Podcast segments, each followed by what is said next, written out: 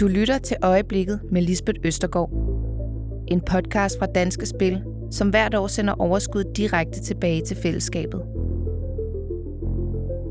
Sidste år var der mere end 1,5 milliarder kroner fra Danske Spilslotterier til idræts-, kultur- og foreningslivet i Danmark. Podcasten er produceret af Heartbeats. Gæsten i denne episode er sejler Anne-Marie Rendum. Hele karrieren har hun sejlet for Horsens Sejlklub og vundet både EM, VM og OL-guld.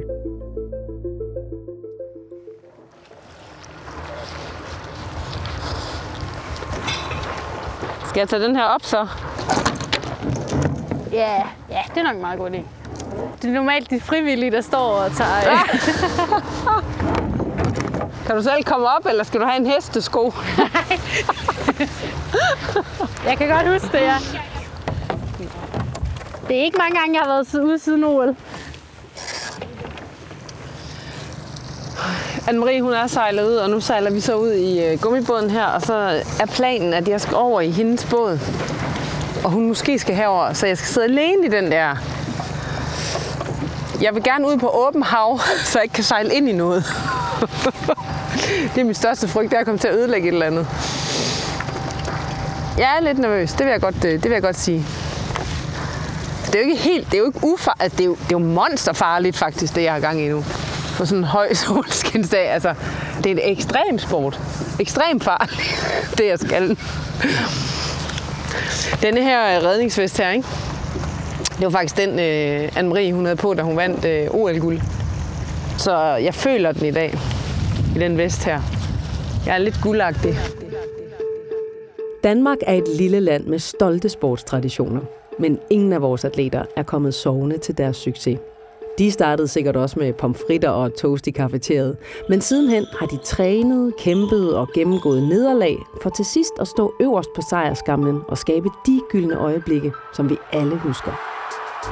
Jeg hedder Lisbeth Østergaard, og hele min barndom, der har jeg gået til alt den sport, som jeg kom i nærheden af. Og nu er det mig selv, der står og hæpper på sidelinjen, når min egen sønner de skøjter rundt i den lokale ishockeyklub og skaber en helt anden slags gyldne øjeblikke. Men ingen af de øjeblikke var blevet til noget uden passionerede ildsjæle og det helt særlige foreningsliv, som vi har i Danmark. I den her podcast tager jeg derfor ud og møder vores atleter på deres hjemmebane og får et indblik i, hvilke øjeblikke, der har defineret deres vej fra miniput til mester. Hvad har de offret, og hvem har hjulpet dem på vej, og hvordan føles det, når et langt sportsliv kulminerer i det afgørende øjeblik? Så, du kommer bare ned til mig. Jeg, jeg tænker, jeg sidder og styrer, ja, og så, og så kan vi bytte. Okay, jeg kommer til at sætte mig i midten. Det er godt for det. Så bare sæt lidt, lidt længere fremad, sådan der, ja. Og så, øh, så styrer du skødet. Det er øh, mainsail. Ja. Yep, det er, det er spileren. Så den skal bare, øh, den skal bare helt ind. Den skal bare være strejt. Ja. Ja, ja, ja, du får den ikke i hovedet. Jeg skal nok sige til, når bomben kommer. Når, når den så kommer til den rette forover. ja, så er det bare bum. Ja. Og så skal du på den her side af skødet. Det er der, hvor at, øh, at jollen er jo lidt lille. ja, så sætter vi os derover. Ja. Toget kører her. Boom, boom, boom. Okay, hvad kan jeg holde i? Jeg kan ikke holde i noget. Du kan simpelthen ikke holde i noget. Super.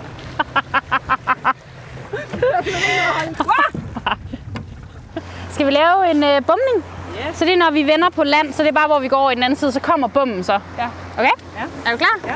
3, 2, 1. Den kommer her. Pas på skødet. Åh, oh, der var lige rundt. er du frisk på at prøve selv? Øh, nej. Vi kan prøve at tage en lille kentring, og så øve os i det. Fordi så ved du, hvad du skal gøre, når du kentrer. Når jeg kendrer, som om at du ved, at jeg Hvis du nu i- Nej, det tænker Når jeg ikke, du du gør. falder i vand. Jeg fatter ikke det her. Ja, så skal du bare hive ind i sejlet. Sådan. Hey, hey, Hey. hey. Okay, hvad skal jeg? Hvad skal jeg?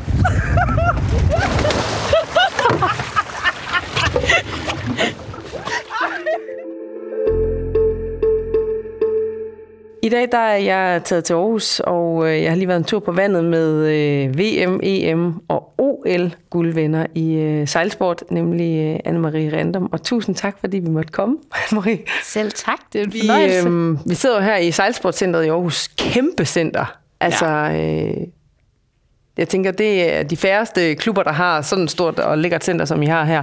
Og vi er jo lige kommet ind, vi har været ude på vandet os to, og øhm, så har vi lige været en tur i, i bad også, fordi vi blev våde derude. Tak for det. Ja, ja, men uh, selv tak. Ja. Altså, det er mandag morgen her, Ja. vi skal vågne på en god måde. Det var, øh, det var sjovt, og altså, jeg fandt ud af, at det er jo ikke bare at sejle en båd. Hold kæft, undskyld mit sprog, var der mange ting, man skal tage hensyn til, altså vind og vejr og øh, og, og styre samtidig med, altså at styre samtidig med, at man skal hive i sejlene. Ja. Altså, det, det er virkelig mange ting på, øh, på Jeg én tror, gang. jeg blev lidt overrasket over, fordi når man vokser op med det, ja. og bare sådan, det er så naturligt Ja, at, at sejle, få en båd til at sejle fremad, så jeg blev overrasket over det, men du var mega sej. Og der gik jo ikke så lang tid, så kunne du sejle derud af. Så, Jamen, jeg- jeg øh, synes der ikke, jeg er var så virkelig sej. en stejl indlæringskode. ja, men det er jo klart, når man kan nul, altså, så kan Ja. det jo kun gå fremad, kan man, kan man ja. Ja. så sige. Ikke? Jamen, det er rigtigt, Ja. det, ja, det Altså, er svært øhm, at sejle. Altså, det er det. Jamen, det er jo ikke bare... Altså, for eksempel, hvor, hvor kommer vinden fra? Det er Det- det, meget det fatter jeg basalt at skulle vide det. Ja. Ja. Men det er ikke altid, at man er... At folk ved det. Nej. Så øhm, ja. Altså, nu var det jo bare min første gang ude i båden her. Du har jo rigtig mange tusind timer på vandet også. Og kan du ikke lige forklare øh, for mig endnu en gang, men måske mest af alt for lytterne, hvad er det for en båd, øh, du sejler i, eller vi var ude at sejle i? Øhm, så det er en enmandsjolle, mm-hmm. øh, og den er på OL-programmet for kvinder. Den er 4 meter lang, cirka. Og så har den et 5,7 kvadratmeter stor sejl. Du har styr på det. ja, fuldstændig. Ja. Det er facts. Ja. Og så er det jo, altså man kan sige, det er jo en one-design-båd, hvor at alt udstyr ligesom skal være det samme. Og det, der gør det ekstra unikt, er jo, at til OL, der får man en båd udleveret, og det gør man også til VM og EM. Så det vil sige, det er ikke op til, om man har noget godt udstyr. Det er op mm. til, hvor dygtig en sejler man er. Og det er det, jeg synes, der er fedt ved den bådklasse især. Så det er ikke sådan ligesom, når man øh, altså, dyrker hestesport, og man har sin egen hest med, man har gået og pusset og nusset og trænet og sådan noget. Altså, alle får bare en båd, og så, så er det jo jeres skills, man, der, ja, der, der præcis. gælder, ikke? Altså man kan sige til World Cup stævnerne og til de lidt mindre stævner, så skal man jo sit eget udstyr med. Men når det virkelig gælder til VM og til OL, så, så får man udleveret en ny jolle, og så skal man sejle i den. Så det gør jo også, at der er rigtig mange, der kan være med, fordi at selvfølgelig er sejlsport jo en dyr sportsgren, mm. men i og med, at man ikke har det her grejudvikling, hvor man kan købe 20 forskellige master eller 20 forskellige både, og så Ja. ja. udvælge den bedste, så er der rigtig mange nationer, der kan være med. Og det gør det jo Fedt. altså, vir- virkelig tilgængeligt Ja. for mange lande at være med i. Men hvad er der så specielt ved den her båd her? Fordi der er måske nogen, der tænker, Nå, men en båd er en båd, men en båd er jo ikke bare en båd. Altså, hvad, hvad skal man være god til lige præcis i den her båd her? Øhm, ja, så det? der er jo 10, 10 discipliner, altså 10 forskellige bådtyper på ja. OL-programmet, og øhm, den her båd, der skal man især være god til det fysiske. Altså man skal virkelig have en god fysik. Ja, det fandt jeg da ud af. og det er jo fordi, vi hænger os ud over Ja. siden af båden.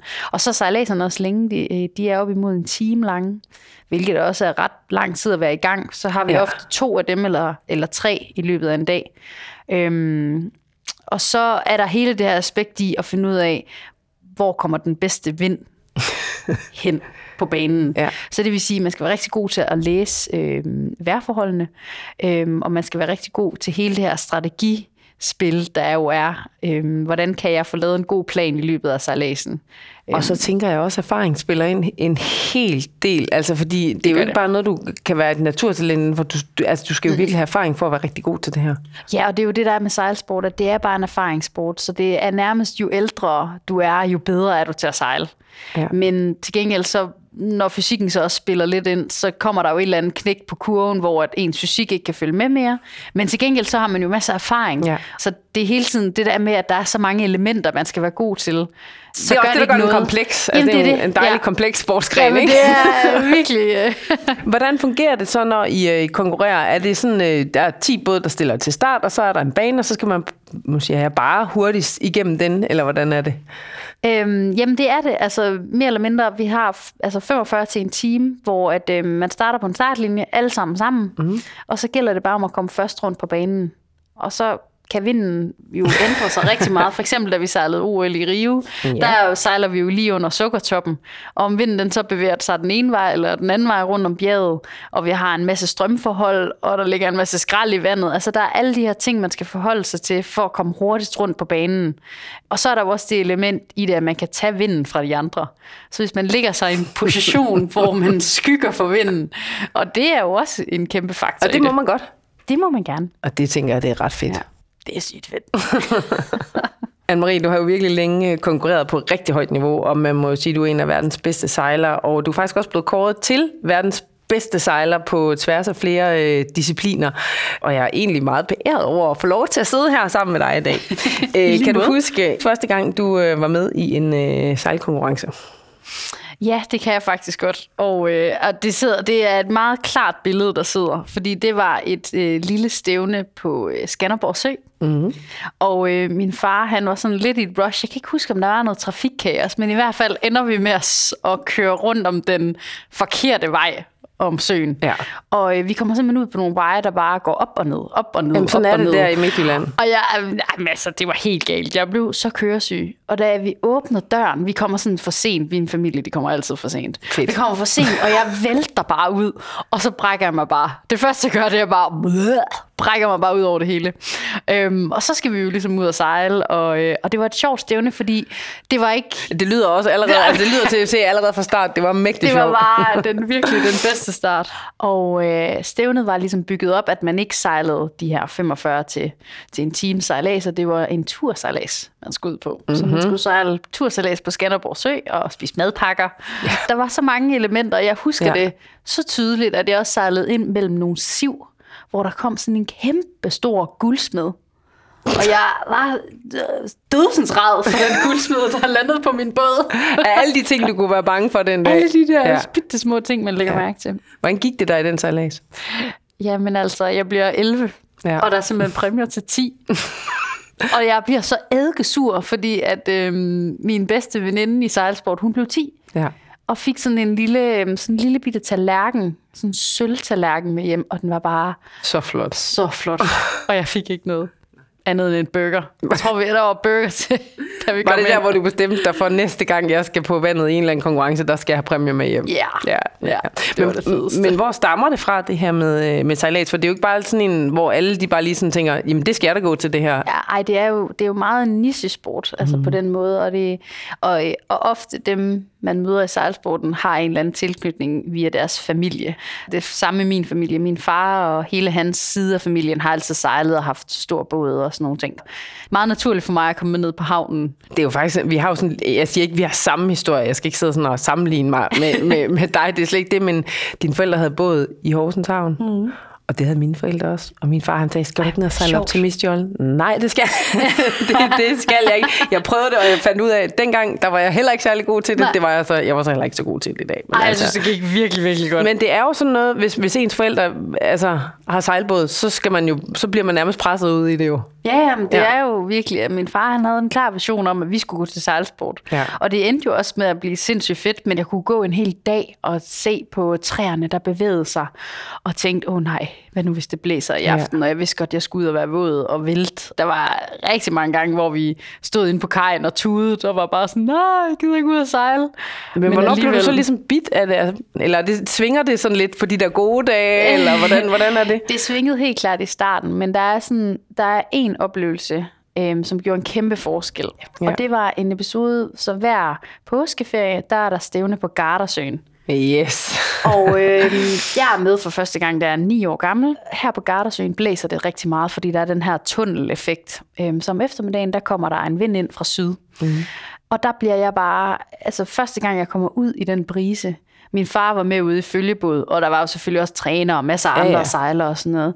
Og, øhm, og jeg skriger i vildens sky. Jeg er så ked af det og bange, og jeg skal sæt mig ikke undskylde, jeg bander, men jeg skal bare ikke være derude. Jeg skal bare ind. Fordi det blæser for meget. Fordi det blæser ja. ja. rigtig meget, ja. og jeg er bange. Og, øh, og så har jeg jo hørt af forældrene, at øh, de har snakket om at sejle hen til mig, men de lader mig ligesom bare være. For jeg ligesom kommer over det der. Og så går der jo ikke mere end 10-15 minutter, og så finder jeg ud af, okay, det er faktisk ikke så farligt det her. Ja. For det værste, der kan ske, det er jo, at jeg ryger i, men jeg kan jo godt hive mig selv op i optimistjollen igen. Øhm, og lade bare sejlet ligesom blafre og og ligger der og finder ud af, at der kommer ikke nogen, der hjælper mig, så. Nej. jeg må hellere bare tage mig sammen.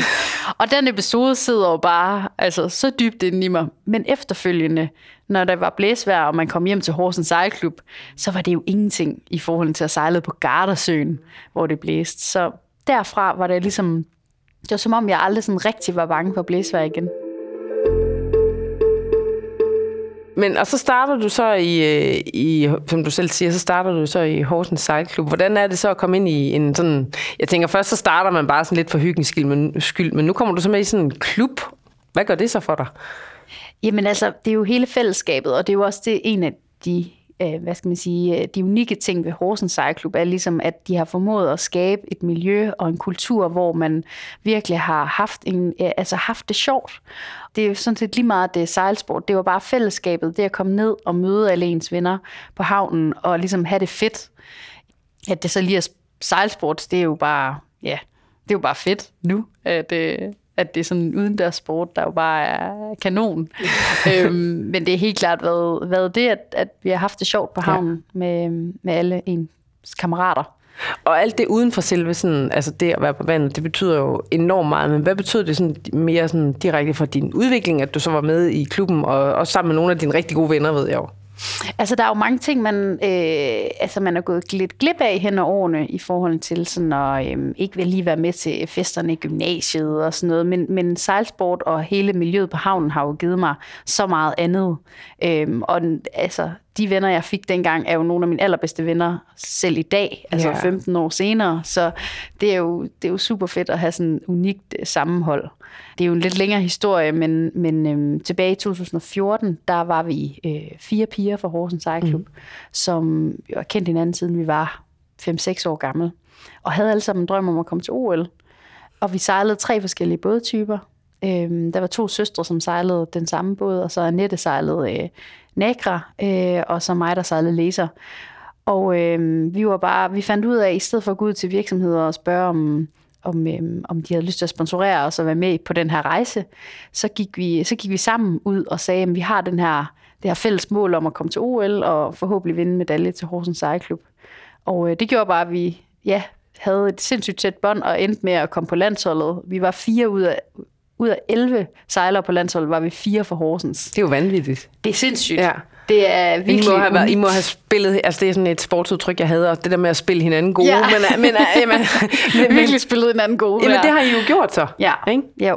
Lige ja. præcis. Og det er jo et projekt, der ligesom stadig kører den dag i dag, at ja. efter, øh, ja, hvad er det nu, efter en otte år, der har Horsens OL-projektet kørt, og altså nu kender vi jo dem, de sponsorer, ja. der også er med, og de er stadig med, og det er jo bare super unikt at have hele det netværk.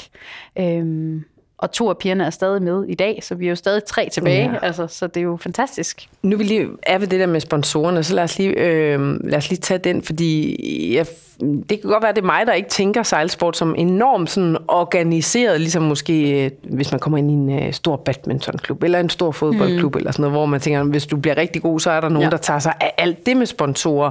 I skulle simpelthen selv ud og skaffe sponsorer. Det var der ikke nogen, der gjorde for jer. Nej, altså der er jo, der er jo hele Team Danmark, altså de sponsorerer jo, kan man sige, eller de, de støtter jo dansk sejlsport. Øhm, så på den måde får vi jo, men, men vi får jo bare ikke nok, fordi det simpelthen koster Altså mm. det, er en, det, er en, det er virkelig dyrt at sejle, og især op mod Rio, og også har det været op mod Tokyo, hvor at, at vores sportsgren skiller sig ud på den måde, at vi vil gerne være der, hvor stævnerne skal være. Mm. Så hvis du er OL i, i Rio for eksempel, og sejle en masse i Rio-bugten for at finde ud af, hvordan er vejrforholdene, er sindssygt vigtigt yes. og meget afgørende for, om man kan øhm, præstere. Og det er immer væk øh, dyrere end at tage ned i Skallebølle, Musefjælde, Døsehallen og, og smide en fjerbold, ikke? Altså. Det er det bare. Ja. Altså, forholdene er så anderledes. Du kan ikke tage ud på det danske farvand, og så altså, forvente, at det er det samme, når man sejler på Rio-bugten. Det er bare anderledes. Øhm. Men altså, er I stadigvæk selv ude også at skaffe sponsorer?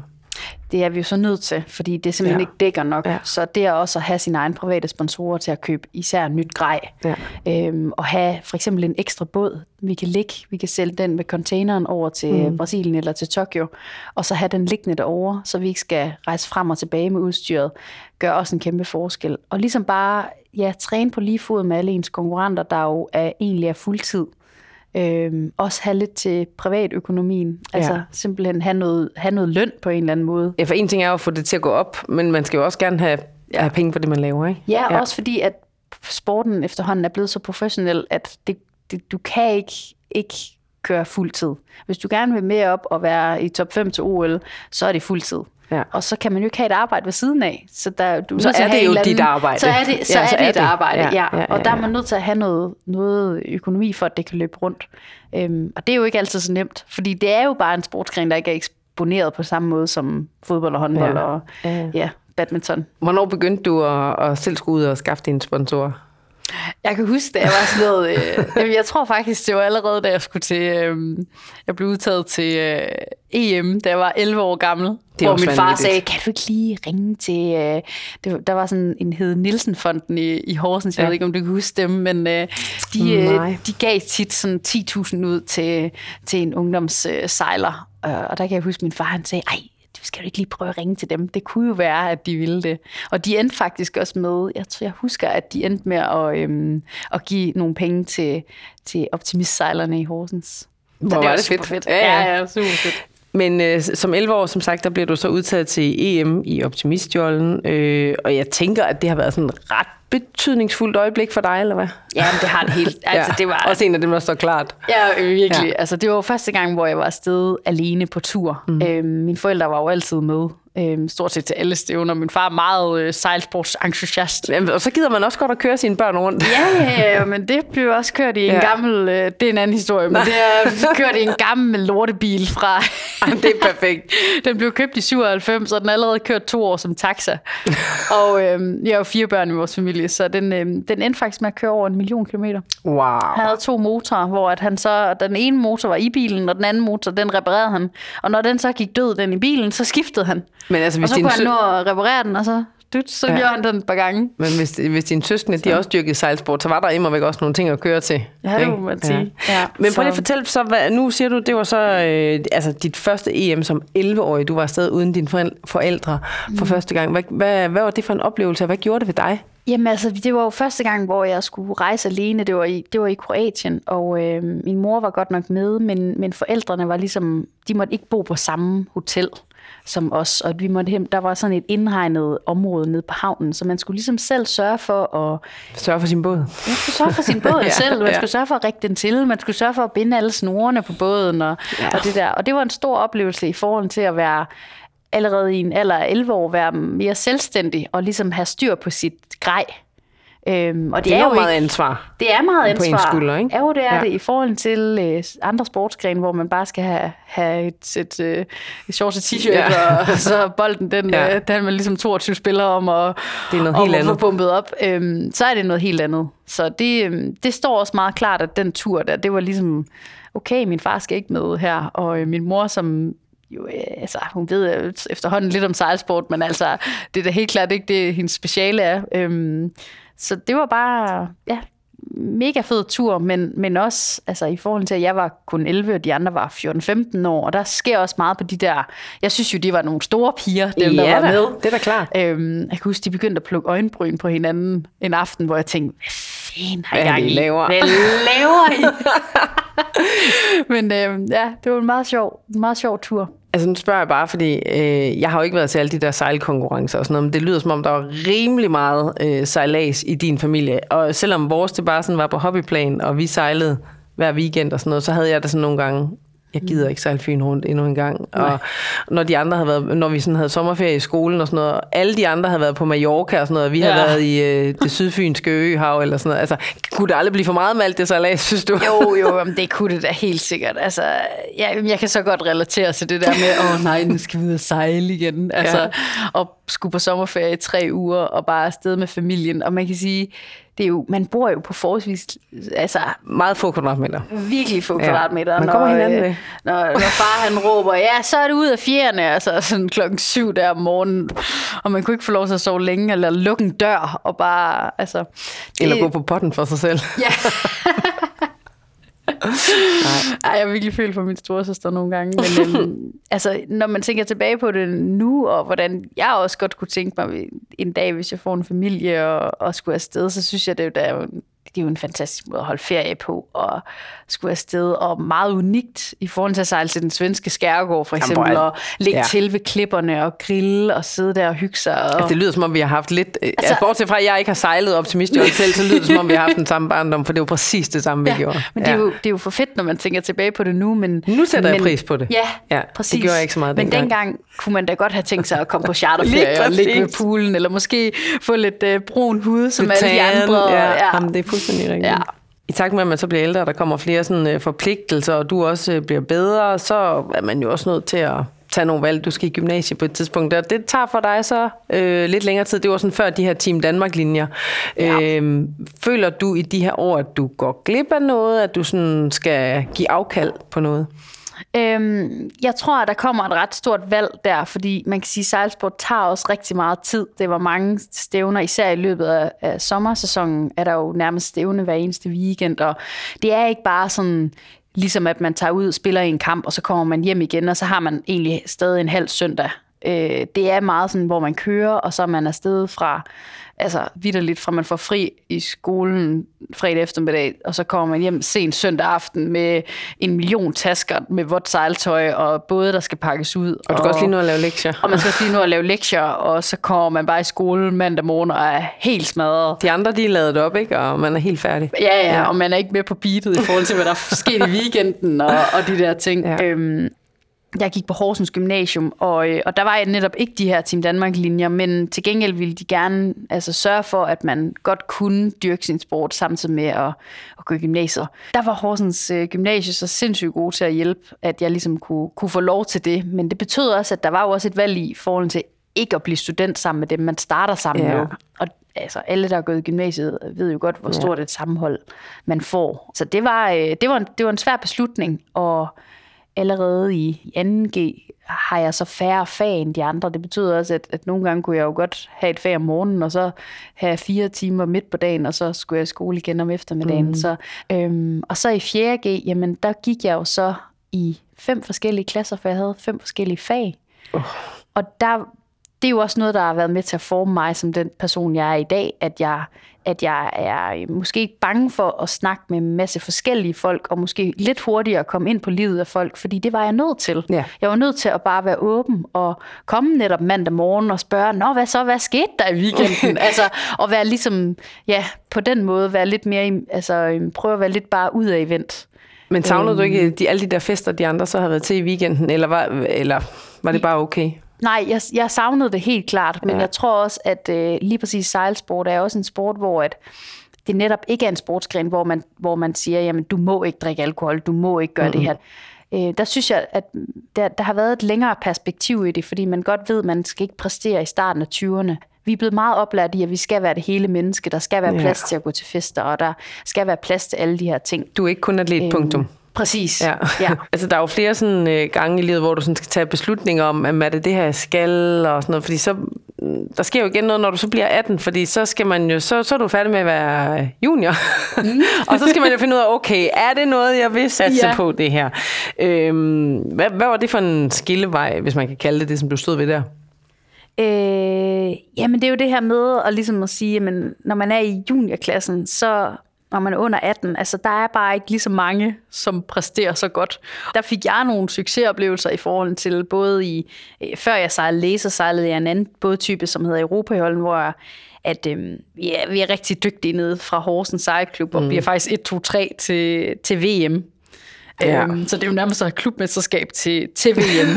øhm, så der, får man virkelig nogle, der fik jeg nogle succesoplevelser ja. i forhold til at vinde nogle medaljer. Øhm, og jeg bliver også to til ungdoms øh, VM i Brasilien.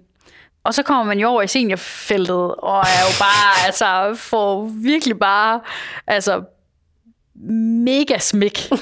Der får man bare røv. Der får man bare røv, og alle havde jo ligesom sagt sådan, at øh, ja, ja, du kommer over i seniorfeltet, og du skal ikke regne med noget de første mange år, Ja. ja. det ene og det andet. Men jeg tror lidt, den der attitude, man har, når man har når man er 18 år, og man har hele verden foran Og sig. det går jo godt, ikke? Det Ja, går bare ja, ja, det skal selvfølgelig. nok gå, det jeg skal skal, nok gå. Jeg, skal- jeg skal vise dem alle sammen, at det her, det kan jeg godt. Ja. Så der, øh, der fik jeg jo ligesom smæk der i 2010, øh, Ja. ja. hvor at jeg kommer ind i seniorfeltet.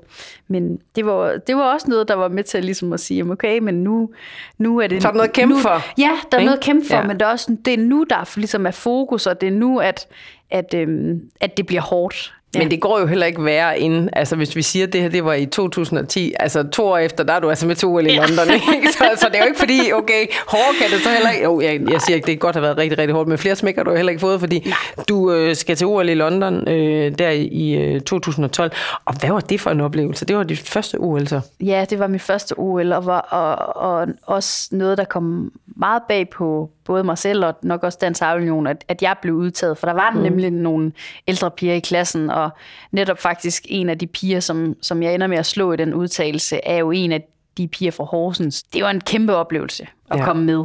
Øh, og bare det at prøve det af og se, hvad, hvad filen er OL for noget. Ja. Fordi man kan sige, at alt det ude på vandet og konkurrencen er jo det samme som alle andre stævner, men, men alt det udenom, det er jo virkelig det, som der gør OL unikt. Det er så specielt at være til et OL. Det er det. Ja, altså siger jeg, fordi jeg var faktisk på den anden side jo, altså jeg var faktisk også til OL i 12, fordi Ja. jeg dækkede det. Ja, Øh, og, og det var også en speciel oplevelse for os på den anden side, men jeg kan forestille mig, hvordan det har været for jer. Altså virkelig, ja. øh, Det er virkelig jo bare specielt. fordi, der foregår så meget udenom konkurrencen, Ja. at øh, ja, det at bo i OL-byen og være sammen med alle de andre atleter, Ja. og finde ud af, hvor, hvor meget man egentlig er til fælles med en masse andre sportsgrene. Øhm, Men, men, men, ja. men lad os lige tage tilbage til det med, at du så, altså jeg ved godt, det måske er sådan lidt, men, men hende der, du så slår mm-hmm. øh, fra Horsens også, fordi så finder man jo virkelig ud af, at man er det, som jeg kalder for kongolegaer. Altså det der, du er konkurrenter, men du er også kollegaer, du er også venner og sådan noget. Ja. Hvordan, hvordan, hvordan tager man ligesom den internt? Jeg tror, I, øh, det er rigtig, rigtig hårdt. Ja. Det er det virkelig. Og så det, det der med, at de har, jo, de har jo lært mig en masse over årene. De har jo taget mig ind på holdet. Og ligesom det her med at, at videndele og, øhm, og lære hinanden op, så man ligesom kan se et større øhm, mål med det hele, at man ikke bare skal med til OL, og man skal bare klare sig godt selv, fordi så går det bare ikke så hurtigt, men mm-hmm. hvis man hjælper hinanden til at komme op på et højt niveau, jamen så går det bare lynhurtigt. Altså jeg får næsten kuldegysninger, når du siger Ja. det der nu, ikke? Fordi det, jeg, det der med, om du har ladt mig Ja. op, nu snupper jeg den lige for dig. Ja, præcis. Altså, og det er jo også det der med at se, jamen en, en OL-kampagne er jo over fire år, og OL er trods alt kun måske en til to uger, mm-hmm. at hele den her kampagne, så jo, det er sindssygt fedt, og det er jo nemt for mig at sidde og sige det, men, men det er så meget andet end OL. Ja.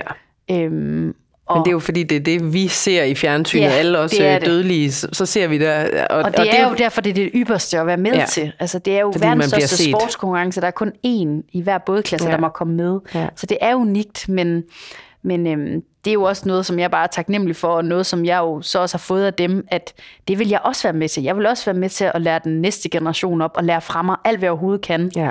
Og det er jo en situation, jeg står i nu, hvor at der er jo nogle unge piger her, som reelt set godt kan slå mig i OL-udtagelsen om halvandet år. Altså, det er Ja. jo sådan, det er. Men, det er jo men, ikke, men du holder jo ikke tilbage med din vidensdeling af den det grund. vil jeg jo ikke. Nej. Jeg vil også gerne have, at ja. de kommer op på et niveau, så de virkelig kan presse mig, til jeg så mm. bliver bedre. Og Ja. det er jo noget, der er virkelig er lykkes for os Ja. de sidste... Og det er fedt. Ja, det er super fedt. Plus, at man har det sindssygt sjovt, når der er andre. altså, det er jo en enmandssport, men Man bliver jo også bedre. Altså man bliver Ja. jo selv kun bedre, jo flere gode der det er det. Ja. Og man har det sjovt samtidig med, fordi man har nogen at rejse rundt sammen med, og man er ikke alene, selvom det er en enmandssport. Vi hopper altså lige lidt i tiden, fordi ja. Ja. i 2015, så øh, er du så til dit øh, første VM i seniorklassen, og hvordan, øh, altså jeg, jeg kender godt svaret, men jeg spørger alligevel, hvordan gik det? Jamen altså, det, det, det gik super godt. Ja. Det er første gang, jeg vinder et, øh, et VM på, ja. i seniorklassen. Og øhm, altså, det er, det, er, et- det er et unikt VM, fordi det er første gang, jeg vinder, også med min, med min træner. Og, øh, og det her med, at det så er året inden OL, viser ligesom, at vi er på rette spor. Øh, jeg tror, indtil der har vi en drøm om. Vi starter, vi starter samarbejdet øh, året efter øh, OL i London mm-hmm. i 2013. Og så allerede to år senere, der vinder vi et VM sammen. Og det er godt gået. Det, det, ja, tak. altså, det er jo også for sindssygt. Og vi havde begge to, altså vi havde jo en ambition om, ja, til OL i 16, der skal vi stå med en medalje, uanset hvad for en farve det er, vi skal bare have en medalje med hjem. Mm-hmm. Men, det, men ellers og, var der ikke noget pres. Nej, nej. Stille og roligt. Stille og roligt. Men, men man har en drøm om det, og så at man lige pludselig ser, okay, jamen, vi har faktisk vundet VM året før OL. Altså, vi er på rette spor her. Ja. Det kan faktisk også godt Ja. lade sig gøre, og altså, så vil man bare have mere. Øhm, Var det der, I så lavede, altså fordi øh, det der, som vi snakkede lidt om, man kan godt have en drøm, men det er jo først et mål, når man har en plan. Lavede I en plan Ja. der så, altså for OL 16? Ja, det gjorde Ja. vi. Ja, det gjorde vi. Og det er også derfor, at OL i 16 er jo... Altså, det gik jo sindssygt godt. Altså, det gik virkelig, virkelig godt, indtil at jeg blev disket, fordi at min... Ja, der var en hestehale, der rørte mit sejl og sådan noget. Men det, var jo også, det er jo det, der man går igennem med, at så vil man også bare have mere, mere, mere, Ja. mere. Hvor at, da jeg så gik i mål og rent faktisk finde ud af, at okay, jeg har fået en bronzemedalje. Altså, der var jo lige et splitsekund, hvor jeg lige sådan, øh, lige lidt skuffet, ikke? Men så bagefter, og ligesom huske sig selv på, målet er at få en medalje med hjem, uanset hvad for en farve det er. Hvem har ligesom været dine store sådan, øh, faste klipper i Horsens Sejlklub? Øhm, jamen altså helt da jeg sejlede som ungdomssejler, var det, var det vores ungdomstræner Nikolas, som faktisk også arbejder stadig i Dansk Sejlunion, og han har jo helt klart været sådan en person, en nøgleperson i, om, i og med, at han har fået en kultur og et miljø på havnen til at ligesom at, at blive ved. Altså det var sådan, mm. han voksede op. Han har helt klart været en nøgleperson i forhold til, hvordan, hvordan min sejlsportskarriere har været. Øhm, og så er der jo også en nede fra Horsens igen, som er kaptajn på det her Horsens til OL-projekt, som vi startede i, i 2014 der med pigerne. Han, er jo, han gør det jo frivilligt, og han hjælper os med at komme ud til sponsorerne og netop holde fast i det her netværk øhm, Det er vildt, at der findes virksomheder. altså sådan nogle ildsjæle, der Ja. gør det øh, frivilligt. Ja, han synes jo bare, det er for fedt Ja. at være med i, og, øhm, og er jo en kæmpe sparring også for mig i forhold til efter OL, hvor at der har været masser af tilbud og ting, man altså sådan ligesom får mig guidet i en, i en vej. Ja. Øhm, det har været ja, virkelig unikt, og han kører jo stadig med til, til det næste OL. Så Og det er Peter jo, Bjerregaard, ikke også? Det er jo Peter Bjermann. Og så kan man sige, jamen, det er jo svært for mig at nævne så mange. Ja, altså, jamen, der jeg er ved godt, det er mange, jeg kan ja. nævne, og jeg får det så dårligt, når jeg sætter, når jeg sætter navn på. Men, men for eksempel også min far har jo været en af nøglepersonerne Ja. også. Han har presset mig øh, på en god måde. Øh, han har aldrig været en af de forældre, hvor at, altså, at øh, du skal bare det her. Altså, det var ligesom op til os selv, men han har altid været sådan, "Ah, nu tager vi lige ned og så ser vi, hvordan, hvordan det Hvordan er. det og, går. Ja. Her til sidst, øh, så skal vi lige tale lidt om, fordi sådan er det jo, når man har en lang sportskarriere, så er der opture, og der er også nedture. Mm. Og øh, jeg tænker ved, øh, ved det seneste OL her, der oplevede du både op- og nedtur nærmest inden for 24 timer, tænker jeg. Ja. Øh, det var vanvittigt. Mm. Og jeg ved godt, du har snakket om det mange gange, men kan du ikke lige tage os igennem, hvad det er, der sker? Jo, jamen det kan jeg da godt. Øhm, det er jo sådan, at øh, normalt når vi er til stævner, så sejler vi over seks dage. Og øh, det er 11 sejladser, så de første fem dage, der sejler vi 10 sejladser, som er sådan nogle øh, indledende, man kan sige, hvis der må alle være med, i hvert fald til et OL. Øhm, og øh, så den sidste dag på 6. dagen, der sejler man et middle race, som er de 10 bedste, der går videre, og så er det, tæller det dobbelt i pointene. Mm. Og øh, til OL, der er jeg i en situation, hvor at efter dag nummer 4, så skal vi ud og sejle dag nummer 5, og hvis jeg sejler nogenlunde der, så kan jeg faktisk vinde OL allerede før det sidste medalje-race. Sejt. Så jeg ved ikke, om I kan forestille jer derude, men øh, der er... Falde pres. Der er rimelig meget pres på. Altså, jeg kan huske det, for jeg, jeg så jo med. ja, Ja. der var rigtig meget pres på. Ja. Øh, der har aldrig været så nervøs i hele mit liv. Mm. Og øhm, der er ligesom kommet en masse af de her Team Danmark-folk også øh, op fra, fra den rigtige OL-by, som er kommet ned for, for HEP. Øhm, og øh, vi skal så ud og sejle to sejladser, og det går ikke super godt i den første sejlads. Der er lidt panik på. Jeg får et gult flag, som er et flag, man får af juryen, når man pumper lidt for meget med øh, sejlet. Og det øh, er jo ikke for at snyde decideret, men det er fordi, jeg er sindssygt nervøs på det her tidspunkt, og jeg ligger ikke særlig godt i sejladsen, og jeg vil bare gerne fremad. Ja. Og man vil rigtig gerne have det overstået. Det er virkelig en følelse af, at nu har vi været i gang i så mange dage i træk, øhm, og at øh, kan det ikke bare være overstået. Nu vil jeg gerne have det medalje, så vil jeg gerne hjem. Ja. Tak for i dag. Ja, præcis. Jeg vil bare gerne have det her lort overstået, Ja. fordi det er så hårdt at være i. Ja. Og man har jo nærmest ikke spist noget i seks dage træk, Nej. Fordi at ens mave bare går helt amok. Øhm, men det går ikke super godt, og jeg ender med at blive 26 i den salas, så vidt jeg husker. Og øh, mig og min træner får så snakket sammen mellem salaserne, og at nu skal vi lige have ro på, og det skal ja, det ene og det andet. Og så i øh, anden salas, øh, så kommer jeg på startlinjen, og så får jeg mit andet gule flag. Og når man får sit andet gule flag, så skal man normalt sejle ud af sejladsen. Mm-hmm. Så det er det, jeg gør. Og øh, det gule flag, det får jeg, fordi jeg rækker med roret. Og det må man heller ikke. Jamen altså, alle de regler. Ja, alle de regler. Helt ærligt. Ja, ja. øhm, og øh, jeg sejler så ud af salasen, og er jo bare fuldstændig i chok. Altså, ja. ved ikke, hvad det er, jeg filen af, jeg laver. Det var som om, jeg havde en følelse af, at øh, mine øh, følelser tager ligesom lidt over bevægelserne i båden. Det er lidt øh, panik Ja. øh, bevægelser. Og jeg sejler så ned til min træner, og øh, er, jo, er jo fuldstændig gradfærdig. Fordi at øh, når man skal sejle ud af sejladsen, så får man en sidste plads. Så det vil sige, at den dag, der havde vi så fået en 26. plads og en, en, øh, en sidste plads. Altså, Og så vil du ikke kunne nå at komme være disk. tilbage. Så vil det være meget svært mm-hmm. at skulle klare sig godt. Ja. Øh, og jeg sejler ned til min træner, og øh, han gider først ikke rigtig snakke med mig. Og jeg er jo bare sådan, hallo, jeg er ked af det. Øhm, på et tidspunkt, så vender han sig om efter et par minutter, så vender han sig om, og så råber han bare til mig, I think you can sail. Øh, og alt imens øh, alt det her det er sket, jamen så finder jeg ud af, at de andre er faktisk ikke startet endnu. Så starten, øh, den er gået, men de er blevet kaldt tilbage, fordi der er for mange over startlinjen. Så kan dommeren vælge at lave en omstart.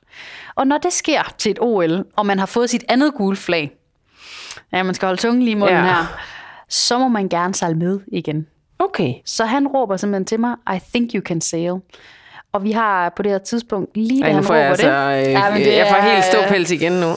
så lige da han råber det, så går fire minutter til næste start. Og når man der er fire minutter til start, så må man ikke snakke sammen. Så jeg havde ikke mulighed for at sige, er du nu sikker på det her? Og han har jo lige råbt, I think you can sail. Han har ikke råbt, you can sail. Så jeg tænker, okay, fint nok, så må jeg jo se at komme op på den startlinje. Jeg var i hvert fald tre minutter under startlinjen på det tidspunkt, ja. så jeg skal jo skynde mig at sejle op til startlinjen. Og på vej derop, der er jeg jo fuldstændig panik. Skal jeg gøre det, skal jeg ikke gøre det? Og det, der sker, det er, hvis jeg, hvis jeg sejler med, og det er forkert, så kan jeg få, øh, så kan jeg blive disket. Ja. Og det er en disk, der ligesom ikke kan trækkes fra. Det vil sige, at jeg vil få en sidste plads, og ikke kan trække den fra. Hvis jeg valgte ikke at sejle med, så ville jeg stadig blive disket, men jeg kunne trække den fra. Det vil sige, at jeg kunne trække en, den, den dårligste fra, og så ville jeg kun have en 26. trods alt til at tælle. Man skal tænke hurtigt i den så situation det var der. bare 50-50. Ja. Skal jeg gøre det, eller skal jeg ikke gøre det? Jeg ender så med at starte salasen og sejler et par minutter, og kan jo slet ikke koncentrere mig. Fordi jeg er så bange for, at det er den forkerte beslutning. Øhm, og jeg ender med at, efter et par minutter at faktisk sejle ud af salasen, fordi jeg kan, jeg kan simpelthen ikke. Du kan ikke sejler. fokusere. Jeg kan ikke fokusere, Nej. og jeg er så overbevist om, at det er en forkert beslutning. Så jeg kommer ned til min træner, og han siger jo så, ja, du måtte godt have sejlet med. og så er jo alt, alt ramler jo bare fuldstændig. Jeg kommer ind på land, og jeg kan bare nærmest ikke gå, fordi mine ben er bare totalt gelé, fordi jeg er simpelthen... Øh, altså, det er som om, at livet og er skuffet over. og træt af Ja. det hele. Ja. Det er ubeskriveligt. Ja. Øhm, og øh, ja, så heldigvis så har vi jo så, det her det sker om fredagen, og heldigvis så til mit held sejler mine værste konkurrenter på lige der lå med pointene der, de sejler faktisk heller ikke så godt i den salas. Og det er Perfekt. jo så til mit held. Perfekt. Jamen, det er jo perfekt. Ja. Så det ender jo faktisk med, at jeg stadig fører efter den her katastrofedag. Mm. Så i stedet for at være 22 point foran, øhm, som jeg var, da vi går ind til dagen, så er jeg 7 point foran. Det vil sige, at jeg er jo faktisk Yes. kun tabt de her 16 point. Øhm, eller hvor meget det nu er. 15 point. Heldigvis har vi jo den her lørdag til at komme igen. Og jeg vil gerne indrømme at sige, at jeg græd helt indtil klokken midnat, indtil jeg faldt om på sengen. Og der er mange, der spørger, kunne du godt sove den nat? Mm. Jeg var simpelthen så udkørt Ja, det kan jeg da godt at forstå. jeg, jeg havde ikke mere. Alt var brugt i kroppen på at græde i seriøst 8 timer i streg. Og øh, så om lørdagen var der jo så lidt mere ro på, og fik snakket med min sportspsykolog, som var med derovre, øh, hvor vi ligesom fik lagt en strategi for, hvordan skal vi klare det her. Vi syv point foran. Hallo, Anne-Marie, ryster lige sammen og tænk, Kom du op igen. vidst det inden OL, at du ville være syv point foran, gående ind til et medal race, så havde du været armen over hovedet været glad. Ja. Det er kun fordi, du har mistet så meget point, at det føles som et nederlag allerede. Så forvent den der rent mentalt og psykisk at komme ovenpå igen. Øhm, en af episoderne, som jeg også husker, er om aftenen, i stedet for at blive på værelset og få aftensmaden leveret, så ligesom gå ned. Vi spiser jo alle sammen sammen. Ja. Alle tusind sejlere spiser jo sammen. Gå ned med brystkassen frem. Vis, at øh, ja, jeg sgu ikke slået endnu. Jeg kan godt gå ned og spise, og jeg kan godt face ligesom alle de her... Kom med det. Ja, kom med det. Altså, Kom med det, jeg mand. kan sagtens klare det. Ja. Nå, men det er lidt med den attitude Ja, ja, ja. på, ikke? Fedt. Øhm, og der var- viste sig jo, at der var rigtig mange, der kom over og sagde, ej, fuck, du fortjener fandme at vinde det her OL, og vi er så kede af det over, at det her det er sket. Altså, øhm, det var virkelig, det var virkelig godt øh, at komme ned til aftensmaden den aften der, ikke? Og, og ligesom vise, at øh, det kan jeg godt, det har jeg godt rejst mig til søndag. Og så fik du sovet lidt. Ja, Og så, fik havde, du, så havde du rystet det værste ud Så af... gennemgik vi alle reglerne Ja, om ja, ja. lørdagen. to gange. Ja, fuldstændig. De Ja. var bare klokkeklar Ja. ja. med en strategi for, hvordan skal vi sejle det her middle race mm. om søndagen. Og øhm, så lykkedes det jo så Ja. lige præcis at vinde OL. Altså, det var jo vanvittigt, Ja. da du kom i mål. Altså, Fuldstændig. Altså, det var bare, jeg kollapsede bare. Altså, jeg var så glad. Det var så glad. Det var, jeg ved ikke, om jeg har hørt du det interview der. Jeg er fuldstændig bandet og svoglet. Jeg fik nævnt janteloven. Jeg fik nævnt bare, altså, jeg har drømt om det. Jeg tror, jeg fik nævnt det. Jeg har drømt om det lige siden jeg blev født. ja, men prøv, jeg tog, et, øh, jeg tog et billede af dig, kan jeg huske, på skærmen, og postede det og skrev, at, Ja. at du var simpelthen den sejeste. Det kan jeg huske. Det var stort. Det var simpelthen det så er vildt. mange, Ja. det er mange års arbejde. Men det er jo ikke slut nu. Nej. vi skal ikke hjem, vi skal videre. Ja. øh, fordi der er to år til næste OL. Det er jo ikke kun, fordi vi kun skal tale OL, for det, det er jo ikke kun det, der er det store. Nej, altså, så det er sidder man her og tænker, Nå, er du kun ude i, i, øh, i radialjollen, der havde jeg nær kaldt den. Det Ja. hedder den jo så i laseren der. Øhm, det er du ikke, fordi øh, du har lige fortalt mig, at her i weekenden skal du faktisk ud og sejle. Det er så i en anden båd. Hvad er det, du ud og sejle der? Jamen, det er noget, der hedder CLGP, som er sådan en Grand Prix, øh, Grand Prix-serie, som er jo egentlig sejlsportens svar på Formel 1. Øhm, det går sindssygt hurtigt, øhm, og de har netop Altså, den du, her du Grand mig, I Prix. og- sejler over 100 km i timen. Ja, vi sejler over 100 km i er jo timen. vanvittigt. Vi er seks ombord, og man skal ligesom samarbejde om at få båden til at sejle stærkt, samtidig med, at man kommer hurtigt rundt på banen. Og, så flyver. der er sindssygt mange elementer. Den flyver oven på vandet det også, fordi den har de her foils, der går ned, og øhm, det er en helt ny dimension af sejlsporten, ja. at man flyver oven på vandet. Det er det nye, det er kommet for at blive, det er det, er det fedeste.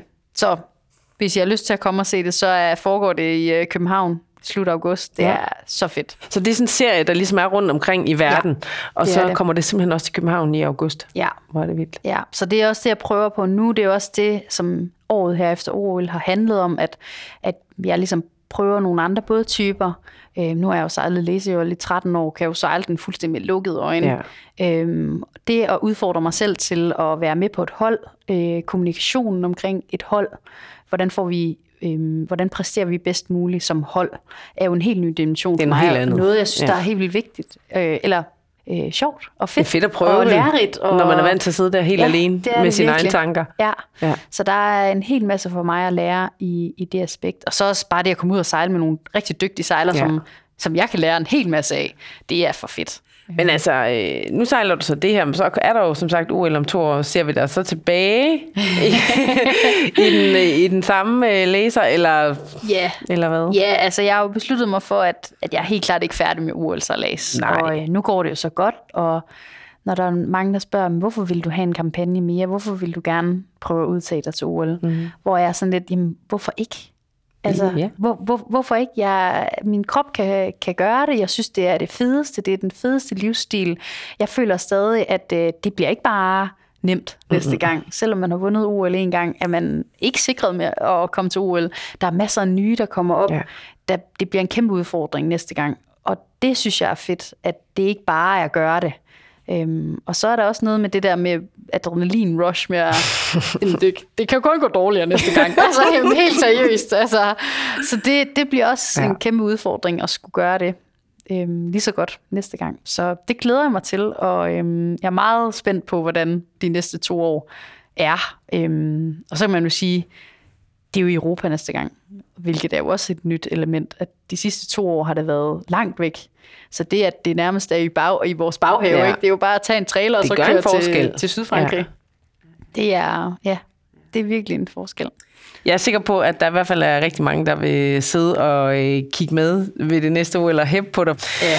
Tusind tak, fordi at, øh, du havde tid til at snakke med os, og tak Selv for tak. turen på vandet. Jeg er sådan nogenlunde ved at få varmen Er du igen ved at nu. få varmen? ja, vi Det var er jo lige, juli, det burde være varmt, men, vi var øh, lige et par gange, men hey, øh, held og lykke med alt, hvad du kaster dig over næste år, eller Tusind alt tak. det. Tak fordi vi måtte komme.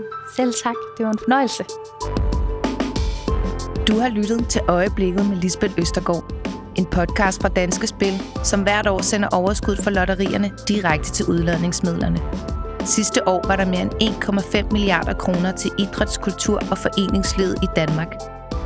Overskuddet fra de øvrige selskaber går tilbage til staten, til gavn for os alle. Podcasten er produceret af Heartbeats.